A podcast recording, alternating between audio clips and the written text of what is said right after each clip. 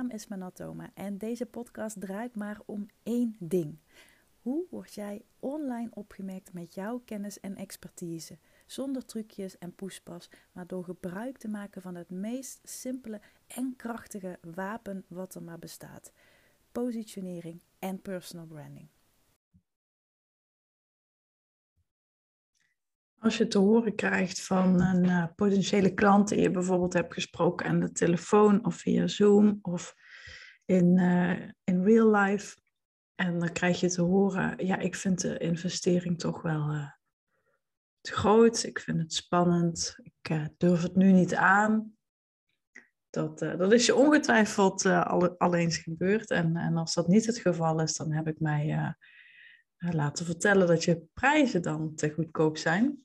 Dat je dan eigenlijk gewoon uh, ja, te, te laag, dat je jezelf te laag geprijsd in de markt zet. Want als mensen direct ja zeggen, dan hoeven ze kennelijk ook geen hindernis over. Is er ook niks wat uh, intern, wat een beetje schuurt, wat een beetje eng, wat een beetje ongemakkelijk voelt. En uh, ja, dan, dan ben je dus te goedkoop. Althans, dat heb ik zo geleerd van verschillende mensen die heel goed zijn in sales, die daar een stuk beter zijn uh, dan ik. Ik heb zelf een aantal jaar geleden ben ik me wat meer gaan verdiepen in, uh, in sales. Hoe voer je, hoe voer je nu goed, goede salesgesprekken? Waar moet je dan aan voldoen? Waar moet je aan denken? En eerlijk, ik vond het altijd best wel zwaar. Ik vond het best wel ingewikkeld. En ik heb wel eens een script erbij gehouden, omdat ik dan dacht dat dat mij houvast gaf. En in zekere zin gaf me dat ook wel houvast. Maar ik merkte toch dat als ik gewoon het op mijn eigen manier deed, dat het altijd het meest succesvol uh, was. Dus dat het salesgesprek het meest vruchtbaar was. In de zin van, hè, dan, dan werd het iets. Dus hoe meer ik ging vastklampen aan een bepaalde tactiek of een bepaalde manier of een bepaalde strategie om een salesgesprek te voeren, dan, dan raakte ik mezelf een beetje kwijt. En nou, dat resulteerde dan meestal ook in een nee. En in deze podcast wil ik je meenemen in een verkoopgesprek van afgelopen week. Het is vandaag 11 eh, oktober. En ik neem deze podcast uh, in de avond op. Ik uh, was vandaag niet zo lekker. Ik was niet fit. Ik heb heel veel last van de, van de mistige ochtenden. En dat hakt erin. En ik, ik had met mezelf afgesproken van je moet wel ook nog gaan sporten. En dat was echt een beetje te veel van het goede. Op zich kan ik me in de sportschool aardig wel houden, zeg maar. Omdat daar de lucht echt wordt uh, en gereinigd en gezuiverd. En dat, dat scheelt voor mij gewoon enorm. Ik knap daar meestal op, omdat het daar ook kouder is. En nou ja, de lucht is gewoon lekker chill. maar daarna was ik wel echt, uh, echt gewoon gesloopt. Ik ben dan gewoon niet lekker moe na het sporten, zoals de meeste gezonde mensen zich voelen na het sporten. Maar ik ben dan gewoon echt, ik sta dan ver in de min, uh, zeg maar. Dus ik heb vanmiddag weer uh, geslapen. En ehm, eigenlijk de rest van de dag nog niet zo heel veel gedaan. En toen ging ik aan het einde van de dag toch even mijn mail checken van, uh, nou ja, van voor het weekend nog. En wat, wat appjes beantwoorden die open stonden. En uh, toen kreeg ik een, uh, een mail van iemand met wie ik echt een, een supergoed salesgesprek heb gevoerd. Het is natuurlijk een kennismakingsgesprek, maar uiteindelijk is het natuurlijk wel, gaan we samenwerken, ja of nee? Dat is natuurlijk wel uiteindelijk waar het uh, op, op neerkomt. En dat uh, salesgesprek, dat ging echt uh, smooth as silk. Zo heb ik het hier even opgeschreven. Het was echt een, een heel lekker, soepel, uh, vloeiend gesprek, waarbij er ook echt wel, ja, waarbij we ook echt wel even de diepte in gingen. Uh, Zo'n gesprek wordt altijd best wel snel persoonlijk, heb ik ervaren. Ik heb ook wel eens ervaren dat, uh, dat mensen huilen bijvoorbeeld in een salesgesprek. En um, soms krijg ik daarbij ook wel eens te horen van, nou, dat is mij nog nooit eerder gebeurd. En ik weet niet wat je deed, maar je hebt echt iets in mij ja, getriggerd. En het triggeren is denk ik datgene wat je moet zien te vinden in een salesgesprek. Dus je kunt er allerlei tactieken en manieren en strategieën voor verzinnen en toepassen. Ik bedoel, doe ook lekker je ding, doe waar jij je comfortabel in voelt. Maar als je hier niet zoveel ervaring mee hebt of je wilt het gewoon eens op een heel andere manier aanvliegen, dan zou ik je willen adviseren, ga op zoek naar een trigger. En een trigger kan natuurlijk op verschillende manieren plaatsvinden. Die kan op, op praktisch niveau plaatsvinden. Hè? Dus dat mensen denken, nou, ik, heb een, uh, ik, ik wil gewoon uh, meer klanten aantrekken. Maar er zitten natuurlijk altijd dingen onder.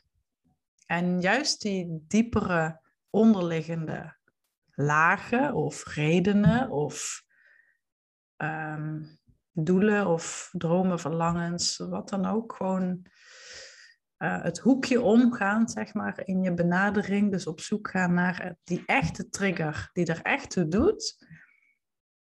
Ik denk als je die te pakken hebt voor iemand, dat dat, dat, dat hetgene is wat een kettingreactie in gang zet. Als je dat aanraakt, als je dat aanstipt en aankaart in een gesprek, dan zal iemand denken: holy shit, what just happened? ik weet niet of je dat gevoel herkent, maar ik herken het wel. Ik heb uh, zelf natuurlijk ook al inmiddels aardig wat salesgesprekken gevoerd. Uh, maar ik heb ook heel vaak op de andere stoel gezeten. Dus ik, ik weet natuurlijk wel een beetje wat, wat er nodig is. En dat is ook de reden dat ik aangeef van, joh, al die scripts die er zijn en al die formats en al die templates, die zijn in zekere zin waardevol. Ik weet ook dat er mensen zijn die helemaal anti-templates zijn, anti-scripts. Maar ik denk juist dat die, um, die inkadering eigenlijk, of juist die beperking, uh, dat die je ook een bepaalde richting op kan duwen. Dus ik denk dat een bepaalde routekaart volgen je wel helpt om makkelijker op je bestemming aan te komen, zonder dat je al te veel omzwerv omzwervingen maakt en andere richtingen opgaat. Dus een script of een template of een framework, hoe je het ook noemen wilt, dat geeft je wel een soort van houvast. Maar zelf heb ik gewoon ervaren dat het, um, dat als je die scripts een beetje kent, dat het op een gegeven moment ga je je eigen persoonlijke script ontwikkelen, denk ik. En wat ik zelf ook heel erg had, is hoe meer ik aan een script vasthield, des te meer ik ook uittunede, als het ware, bij de persoon bij wie ik aan tafel zat, of die ik via de telefoon sprak of via Zoom.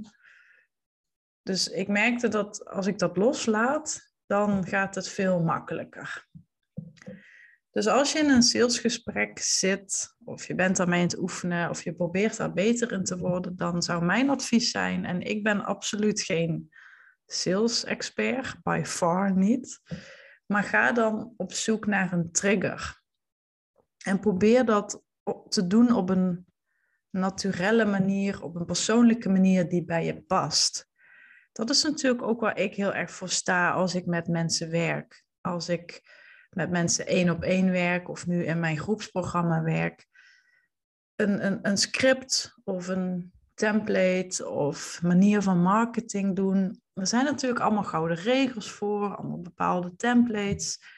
Maar de beste manier om het te doen is om het te personaliseren, om het op een persoonlijke manier te doen. Want als je het op een persoonlijke manier doet, die heel eigen voelt, die heel natuurlijk voelt, dan gaat het je, logischerwijs, ook op een natuurlijke manier af. En als dat je op een natuurlijke manier afgaat, dan kunnen mensen ook heel erg aangaan op jou.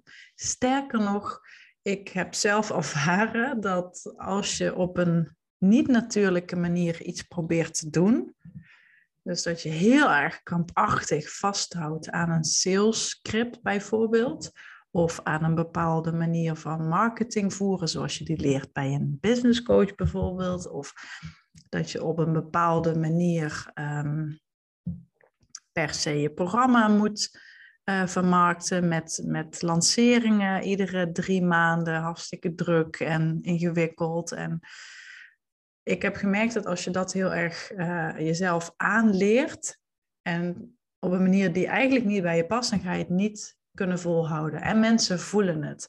Mensen hebben daar gewoon voelsprieten voor. Ik denk ook echt dat ze het gewoon aan je stem kunnen horen of merken of je oprecht bent, of je integer bent en of je op dat moment echt het beste met ze voor hebt.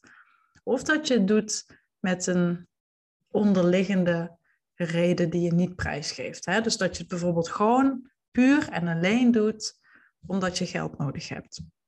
En begrijp me niet verkeerd, natuurlijk heb je geld nodig. Ik bedoel, je bent ondernemer, je hebt geen uh, ja, haakclub of zo, of breiklub.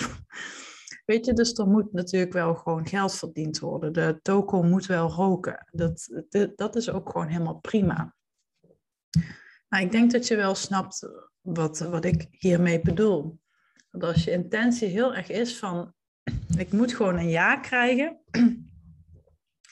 En je probeert zo ver door te gaan in een salesgesprek, door steeds opnieuw weer die pijn op te zoeken, door steeds dat weer om te gaan buigen.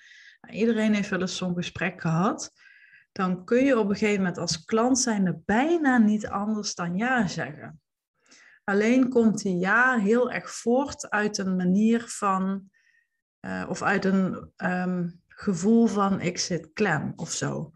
Of ik, ik, ik zie geen andere uitweg meer. En natuurlijk kan dat werken, maar in mijn redenering werkt zoiets op de lange termijn tegen je. Ik geloof er veel meer in dat je het op een natuurlijke manier mag doen, op een manier die bij je past.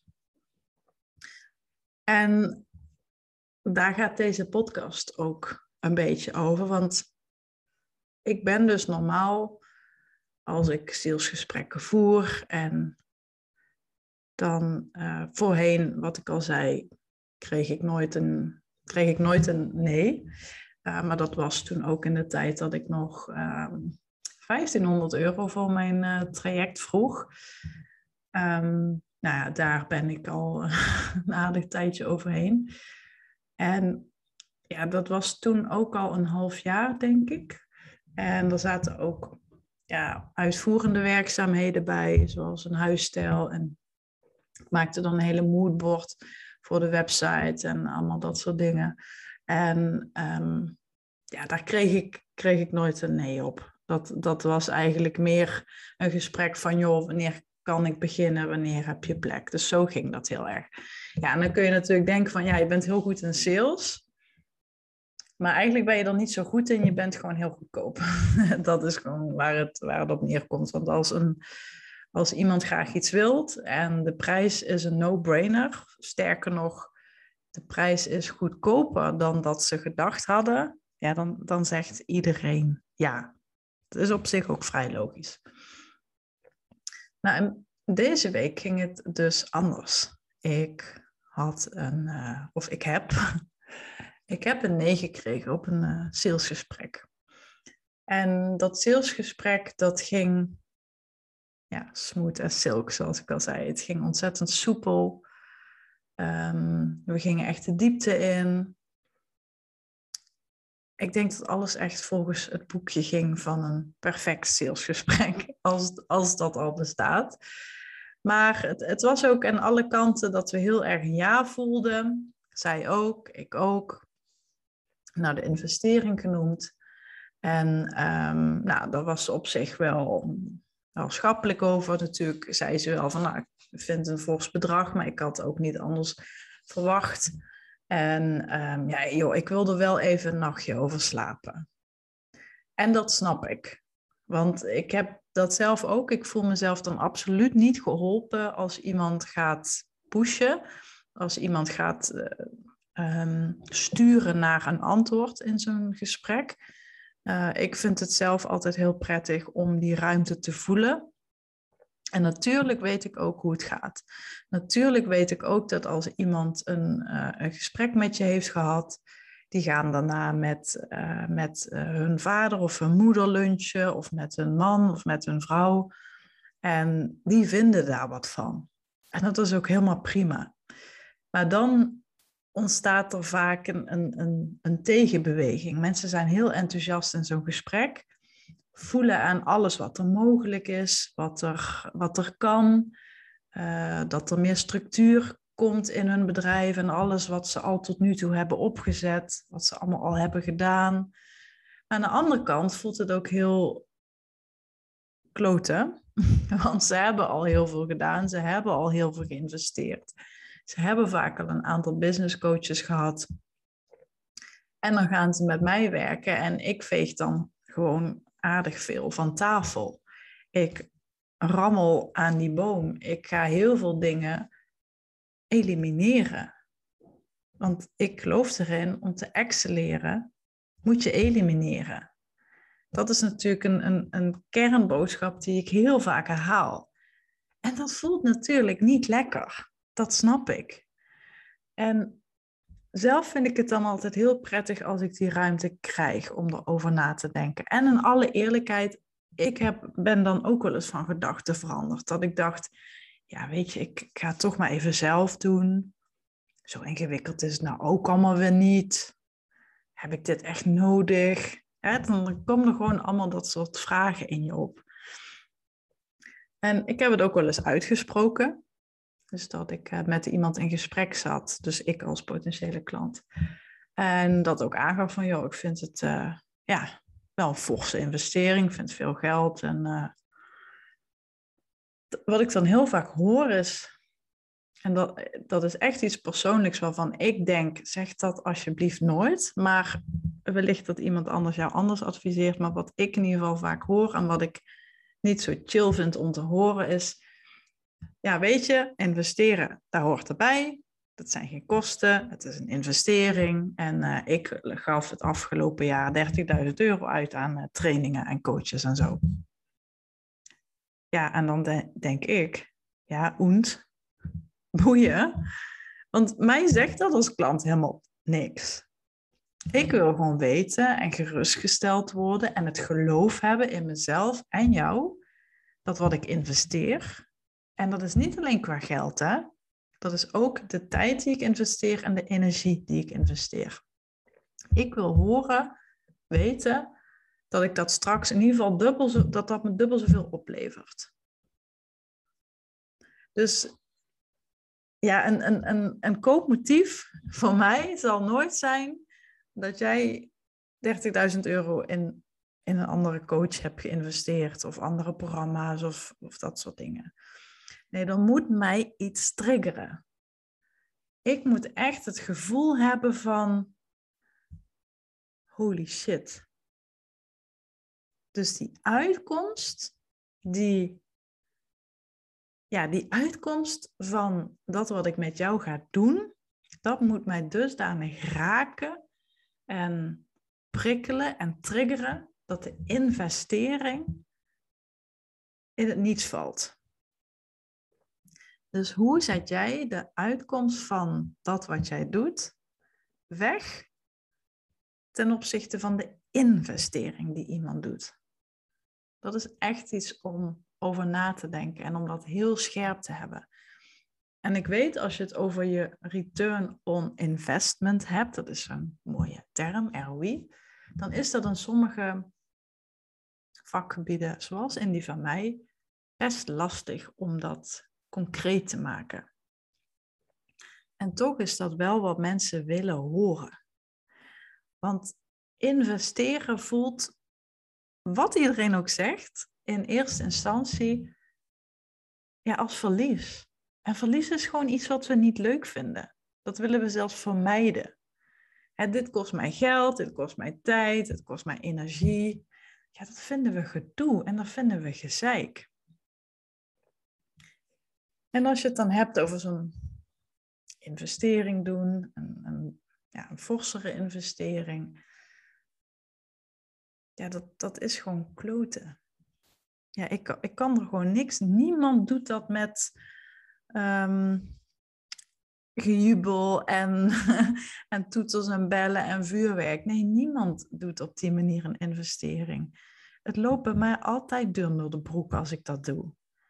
Het, is gewoon een. Het voelt gewoon heel onprettig. Het voelt gewoon heel oncomfortabel. En wat ik ook heel erg heb, ik zit ook een beetje zo hard op te mijmen en hard op na te denken, is dat heel vaak voel ik dat het niet de investering is in geld dan wat er knelt. En dat had ik, of heb ik nu bij het gesprek wat ik afgelopen week had, had ik ook heel erg bij, uh, bij die persoon. Want wat ik al zei, het ging echt perfect. Het was ja, praktisch kat in het bakkie. En zonder ja, al te veel in detail te gaan, kon ik heel erg merken dat het niet zozeer de investering in geld was. Wat het dan wel is, het is verandering. Kijk, natuurlijk is investering is gewoon eng. Het is gewoon luier om en geld overmaken en dan fingers crossed en dan hopen dat het terugkomt. Dat is gewoon eng. Maar verandering is iets wat mensen nog veel enger vinden. Wat ik veel enger vind. En dat vind jij waarschijnlijk ook. Dus je gaat afscheid nemen misschien wel van delen in je bedrijf die niet werken. Die misschien al heel veel geld, tijd en energie hebben gekost. Of je moet ergens voor gaan staan en je daarover uitspreken, waarvan je weet dat anderen er iets van kunnen vinden. Dat is ook gewoon eng. Of je gaat stoppen met bepaalde klanten te werven en je richt op een ander type klant. Dat is ook eng. Of je gaat je volledige positionering omgooien. Het is allemaal eng. Weet je, investeren en veranderen is gewoon niet leuk. Want je vraagt jezelf af, ja, kan ik het wel? Maar je denkt ook, kan jij het wel? Ben jij wel de persoon die me kan helpen? Wat als ik een keer een jankdag heb? Als het gewoon tegen zit, als het me niet is gelukt, als ik geen vernieuwende ideeën heb bedacht, of als ik er gewoon niet uitkom, als, ik, als het me niet lukt om een ideale klant aan te scherpen, of als het me niet lukt om. Weet je, dat zijn allemaal van die vragen die je jezelf stelt. Dat heb ik dus ook altijd. Maar juist door dan wel te investeren, zul je ook zien dat je iemand bij je hebt die je aan de hand neemt. Ja, niet letterlijk natuurlijk, maar wel een soort van. Dat juist op die momenten dat het je tegenzit en je in die veilige kokon tussen haakjes blijft zitten, want je wilt niet veranderen, die je dan toch aanpakt en zegt: Dit moet je doen en dat moet je niet doen. Mij persoonlijk heeft dat enorm veel gebracht. Dat heeft mij zoveel opgeleverd de afgelopen, eigenlijk sinds ik mijn allereerste grootste investering deed. En dat was bij Fascinate van Sally Hogshead. Dat was ehm, ja, even uit mijn hoofd zonder alle extra coaching die ik daarna nog heb gevolgd bij, uh, bij, bij mensen zeg maar, die daar dan binnen, binnen dat bedrijf werken, om het zo maar te zeggen. Volgens mij was dat iets van 7000 euro of 8000 euro, zoiets. Ik weet, ik weet het niet meer precies. Het is echt vier, vijf jaar geleden. Maar dat was wel echt. Dat was voor mij het allergrootste bedrag toen. Wat ik heb overgemaakt. En, maar ik, ik was gewoon ervan overtuigd. Hè, als je kijkt naar die uitkomst versus de investering. Dus uitkomst versus investering wist ik gewoon, ja, dit gaat mij heel veel opleveren. Dit gaat mij enorm veel brengen qua geld. Hè, want ik, ik, ik heb iets straks wat anderen niet hebben in Nederland en zelfs in de Benelux. Dat maakt mij interessanter en aantrekkelijker om mee te werken. Dus die prijzen gaan straks omhoog. Daar ehm, heb ik natuurlijk ook al genoeg resultaten voor geleverd die dat extra bekrachtigen. Maar het gaat me ook heel veel opleveren in tijd, want ik heb eindelijk een duidelijk speerpunt in mijn eigen positionering. Ik, ik grap wel eens tegen mijn klanten van alle ballen daarop. Dus je hebt een heel duidelijk focus en speerpunt, maar ook qua energie. Dit was echt waarvan ik dacht, hier krijg ik ook weer zelfvertrouwen van. Dit, dit gaat mij zo goed doen qua marktwaarde, maar ook qua eigenwaarde. Dus dat was voor mij de reden dat ik, ja, dat ik ook wist van dit is gewoon, dit moet ik gewoon doen. En bovendien had ik natuurlijk ook enorm veel vertrouwen in Sally en het bedrijf. Ik volgde haar en de methode, Fascinate, al, ja, al ik weet niet hoe lang. Ik weet dat ik toen bij mijn eerste werkgever zat en toen kwam net dat Facebook een beetje op en dat ik op de een of andere manier toen uh, bij haar terecht kwam of uh, op de website, ik weet niet meer precies. Maar dat ik er sindsdien altijd ben blijven volgen. En dat ik wel eens gekscherend heb gedacht, maar ja, wat is gekscherend? Kennelijk was het toch een signaaltje naar het universum. Van, oh, hoe tof zou het zijn als ik, als ik ooit met haar zou samenwerken. En daar is ruim tien jaar overheen gegaan voordat dat gebeurde. Want hè, toen ik dat op dat moment dacht, had ze ook nog niet eens die methode. Maar het is me wel gelukt. En ik wist ook, zij is gewoon een boegbeeld. Zij is een rolmodel. Zij is een icoon. Zij is een, ehm, ja, echt een heel duidelijk gezicht. Zij staat ergens echt voor. Zij heeft echt er sporen wel verdiend, zeg je dat zo? Zij heeft echt wel haar. Ehm, ja, het is echt wel voor mij een, een, een zwaargewicht in, in het vakgebied. En ja, niet alleen ik vind dat. Ze is ook al, ik weet niet hoe vaak, awards gewonnen en bekroond. En ook uitgeroepen tot nummer 1 van de wereld op het gebied van eh, personal branding en branding in het algemeen. Dus het, het was voor mij gewoon duidelijk. Weet je, als je van die persoon wilt leren, ja, dan ga je dat niet voor, voor 2000 dollar doen. Als dat het geval was geweest, dan had ik waarschijnlijk gedacht van, hmm, what's the catch? Snap je een beetje wat ik bedoel? Dus dat is heel erg hoe ik in ieder geval kijk naar een investering versus een uitkomst. Dat mij iets moet triggeren, dat ik het gevoel moet hebben van oké, wat gaat mij dit opleveren straks qua geld, uh, qua tijd en energie. En ja, is dat echt hetgene wat mij triggert? En om dan even terug te komen op dat gesprek wat ik zelf had. Ik denk ook dat het heel normaal is om een nee te krijgen. Ik schaam me daar ook niet voor. Een gesprek kan nog zo goed zijn, maar misschien dat het er toch aan ligt of iemand uh, die verandering toch wel heel erg eng vindt. Wat ik ook helemaal volledig snap. Waar ik ook echt wel in die zin, hoe zal ik dat zeggen, um, respect voor heb. Ik heb het in dit geval ook echt voor mijn gevoel dat ik het, ik accepteer het niet, maar ik tolereer het. Waarmee ik een beetje wil zeggen van, ik, ik, haar nee voelt voor mij gewoon als dat ik denk, ja, wat, wat doe je? ik weet gewoon, ja, het is gewoon niet goed wat ze doet. Maar soms, soms is het gewoon ook voor dat moment gewoon even goed. En komt er vanzelf een moment dat het wel goed voelt. Dat je aan alle kanten van nu ben ik wel echt klaar voor die verandering. Nu ben ik klaar met het gezeik.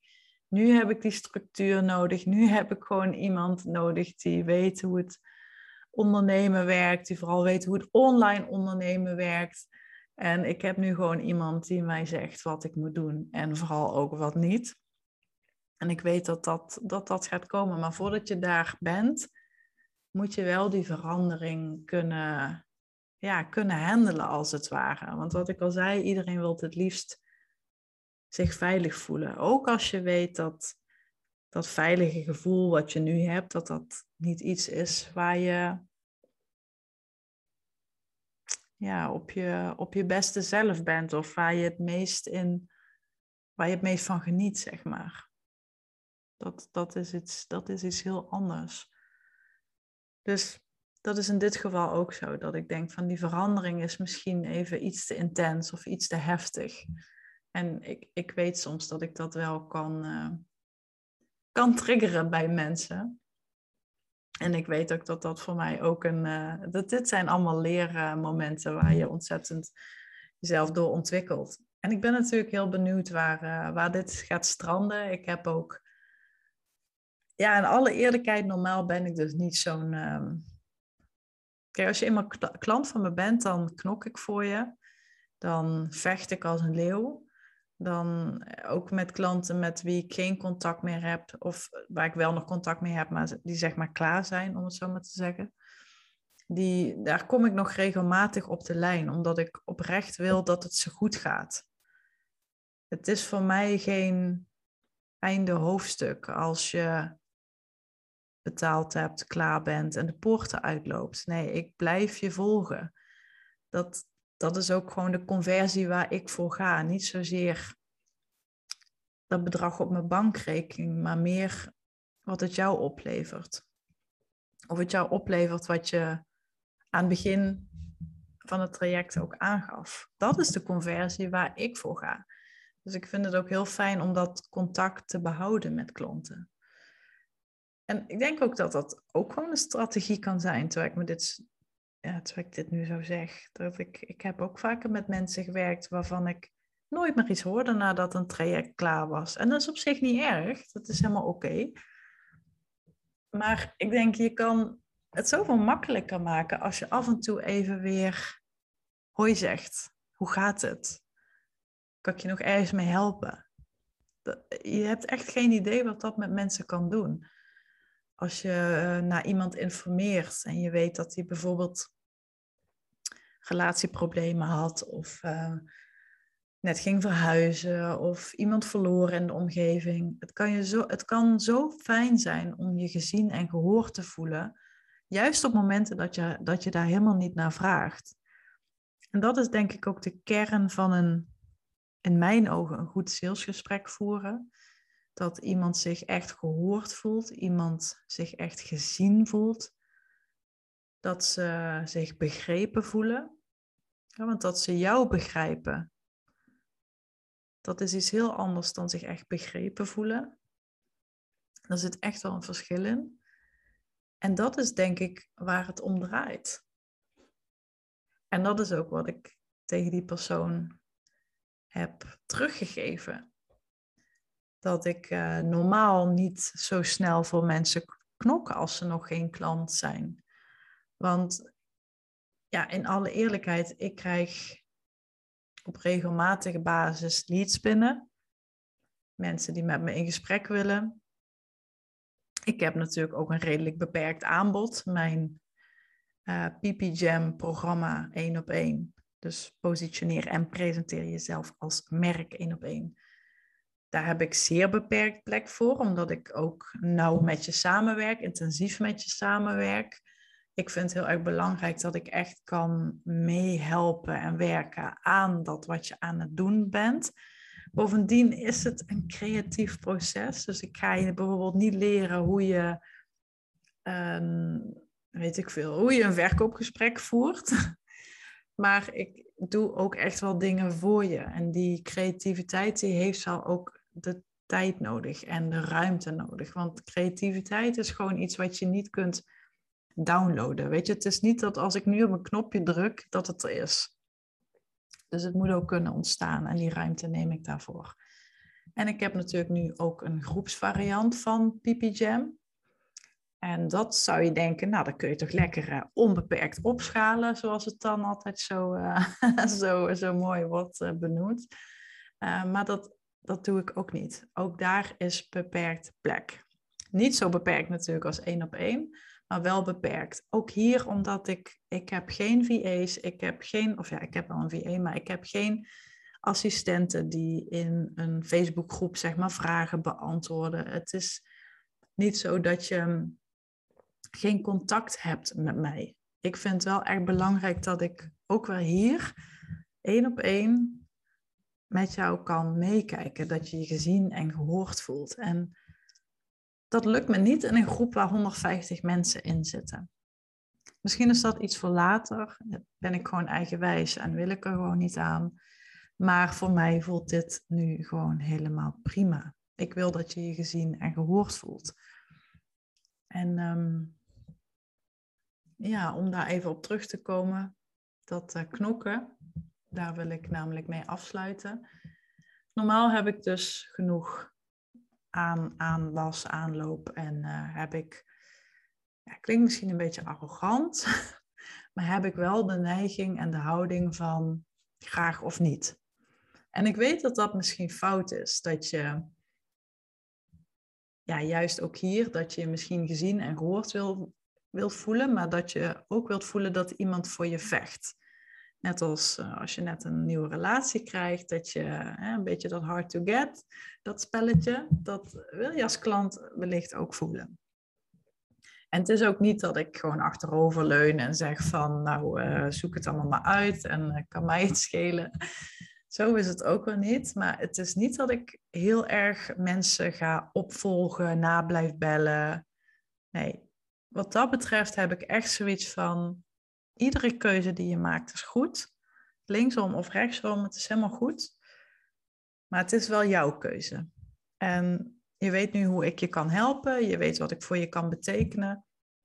En als jij daar de waarde van inziet, dus als je ziet wat die investering versus uitkomst jou oplevert, ja, dan is dat gewoon aan jou. En dan is dat gewoon jouw keuze. En dan ga ik daar verder niet al te veel in ja, lopen te drammen als een, als een, als een kleuter.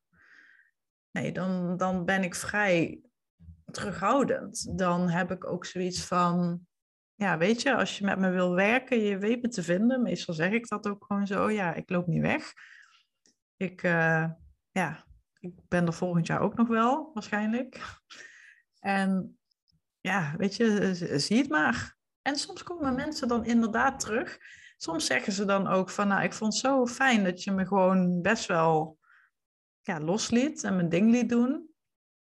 En dat kan ik waarderen, want dat, dat heb ik niet eerder zo ervaren. En er zijn natuurlijk ook mensen, daar hoor ik nooit meer wat van. En ja, in alle eerlijkheid, dat had misschien anders kunnen zijn als ik wel wat meer dat uh, opvolgen zou doen. Maar in dit geval had ik echt zoiets van, no fucking way. Ik ga hier echt voor knokken, want sowieso, het was echt een, een heel leuk mens. Ik zeg dan altijd wel, dat is mijn bloedgroep. en uh, dat, dat, ja, dat, dat voelt gewoon heel goed op, op een persoonlijke manier een klik hebben. Maar ik voelde ook vooral de zakelijke klik. Ik, ik wist gewoon, en dat werd ook uitgesproken, ik zie iets in jou en jij ziet iets in mij. En dat zijn denk ik de twee ingrediënten die je, die je nodig moet hebben als je met iemand in een traject stapt. Want het is niet zo dat ja, een, een coach, of dat nu een business coach is, of een lifestyle coach, of een, relatiecoach, whatever, of die, dat die alles voor jou kunnen oplossen en alles voor je kunnen fixen. Want ook dat krijg ik wel eens terug in een gesprek. Dat uh, mensen dan bij, uh, bij één of meerdere business coaches zijn geweest en letterlijk zeggen: Ja, het heeft me gewoon niks opgeleverd of het heeft me niks gebracht. En ja, ik ben er dan nooit bij geweest, dus ik spreek me daar dan niet over uit. Maar ik vind het soms wel heel makkelijk om om een eh, coach de schuld te geven. En natuurlijk hebben ze een bepaalde inspanningsplicht. Hè? Ik bedoel, begrijp me niet verkeerd. Het is niet zo van, nou, je maakt een groot bedrag over en uh, voilà, dat doet je op zo'n manier transformeren dat je wel uh, aan de bak gaat als een malle en aan die boom gaat schudden om klanten te krijgen. Ja, nee, zo, zo sta ik er ook niet in. Maar ik denk wel, hè, als jij bijvoorbeeld een personal trainer inschakelt om een killer body uh, te ontwikkelen. Dan hè, kan die je recepten aanreiken, die kan met je mee naar de supermarkt gaan en aangeven hoe je moet boodschappen moet doen, wat je moet koken. Die kan je oefeningen laten zien. Uh, hè, die, die, die, die kan alles laten zien en jou leren wat je moet doen. Maar uiteindelijk ben je wel zelf degene die aan die halters moet gaan hangen en die een krop sla moet kopen in plaats van een zak chips. Weet je, dus het, het werkt beide kanten op. En even denken, ik word een beetje afgeleid, want uh, die gaat uh, achter mij op de bank helemaal loco. Die gaat dan uh, onder de deken en dan nou ja, is helemaal in de nopjes met zichzelf. maar goed, ik, um, ja, waarmee wilde ik afsluiten? Ja, ik, ik, ik voel nu gewoon heel erg dat, uh, en dat heb ik dus niet vaak, dat ik uh, even wil knokken, dat ik mijn tanden erin wil zetten. Dat ik zoiets heb van nee, ik ga dit niet zomaar uh, opgeven. Want ik, ik voel ook gewoon aan alles. En het kan natuurlijk een aanname zijn dat het helemaal niet de investering is, maar vooral de verandering. Want verandering is eng. Uh, ook al zijn we helemaal klaar met dat wat we nu hebben, hoe we nu leven en zijn we gewoon echt klaar voor iets nieuws, denken we, is dit het nou? Allemaal dat soort dingen. Alsnog kun je dan denken van ja, maar het is wel veilig. Want je weet niet wat ik ervoor terugkrijg. En ik denk, ik denk ook dat dat heel vaak in de meeste gevallen, dat dat is wat er echt speelt. Dat er iets getriggerd is in zo'n gesprek, wat goed is maar dat dat ook een bepaalde verandering met zich meebrengt die gewoon eng is. Dat je afscheid van iets moet nemen, van dingen in je bedrijf die helemaal niet werken, waar je misschien wel aan vastklampt, of nou ja, dat je misschien ergens ook voor moet gaan staan, waarvan je weet dat anderen daar iets van kunnen, kunnen gaan vinden. Het kunnen allemaal dingen zijn die heel spannend zijn. Dus ik heb geen idee wat dit nog uh, gaat eindigen. Ik hou je op de hoogte. maar de reden dat ik dit deelde is omdat ik zeker weet dat jij hier ook wel eens mee te maken hebt. En dat dat gewoon heel naar kan voelen om, om een nee te horen te krijgen, maar probeer het dan op een andere manier te zien. Want een nee betekent gewoon dat iemand nog niet klaar is voor die verandering. En dat is helemaal oké die verandering die pakken ze wel als ze voelen dat het, dat het nodig is, dat ze het echt willen. Mensen gaan pushen in een salesgesprek of in marketing of wat dan ook. Dat is nooit de weg. Weet dat als jij aangaat, dat mensen ook aangaan. Als ze dat voelen, dan, dan komt het vanzelf wel. Dan stappen ze op die verandering af. En als dat niet zo is, dan, dan is het misschien nog niet tijd en het moment. Of zijn ze misschien gewoon niet genoeg getriggerd en dan is het gewoon zaak om daarvan te leren. Zo zie ik het in ieder geval. Ik zie ieder gesprek als, als iets van, ik ga mijn beste zelf geven. Ik ga iemand op de beste manier in dit gesprek helpen en adviseren, ongeacht wat er uitkomt. Daar hecht ik totaal letterlijk geen waarde aan eerder misschien iets te weinig, dat ik letterlijk kon denken, nou ja, voor jou tien andere bewijzen van spreken.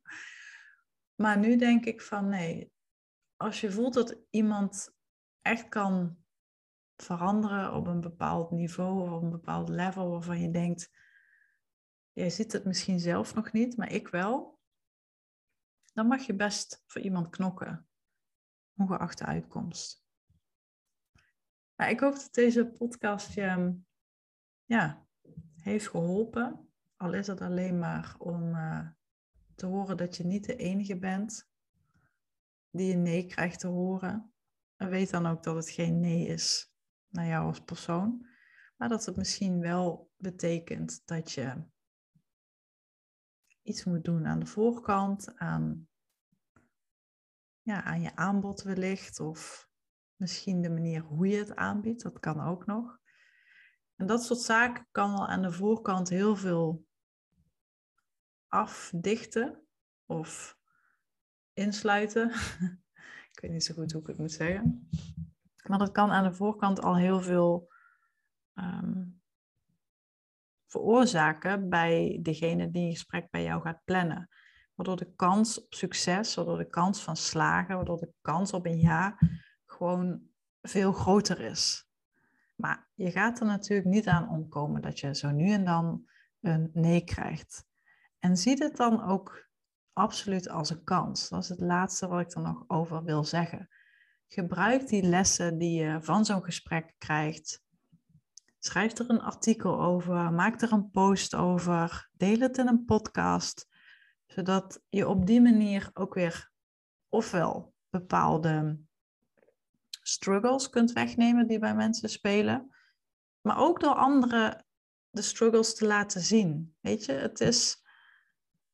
het is, ik heb laatst eens een keer ergens geschreven dat we zijn allemaal super goed in het delen van successen, maar juist die struggles op weg naar succes toe, die kunnen super inspirerend werken voor andere mensen die daar nog niet zijn. Dus hierbij ga ik hem echt afronden. Je merkt, ik kan hier, uh, ik kan hier uren over kletsen. Nou, ik ben heel benieuwd of je aha-momenten hebt uh, gehaald uit, uh, uit deze podcast. Superleuk als je dat met me wilt delen. En ja, mocht je nu zelf willen ervaren hoe zo'n gesprek met mij gaat, dan zou ik zeggen, boek je kennismaking via mijn website. De link vind je vast wel ergens hieronder in de, in de show notes van deze podcast. En dan zou ik je zeggen, of dan wil ik je voor nu gewoon een hele mooie, opmerkelijke dag wensen. Ik zou zeggen, fire in the hole, zet hem op en uh, tot de volgende keer.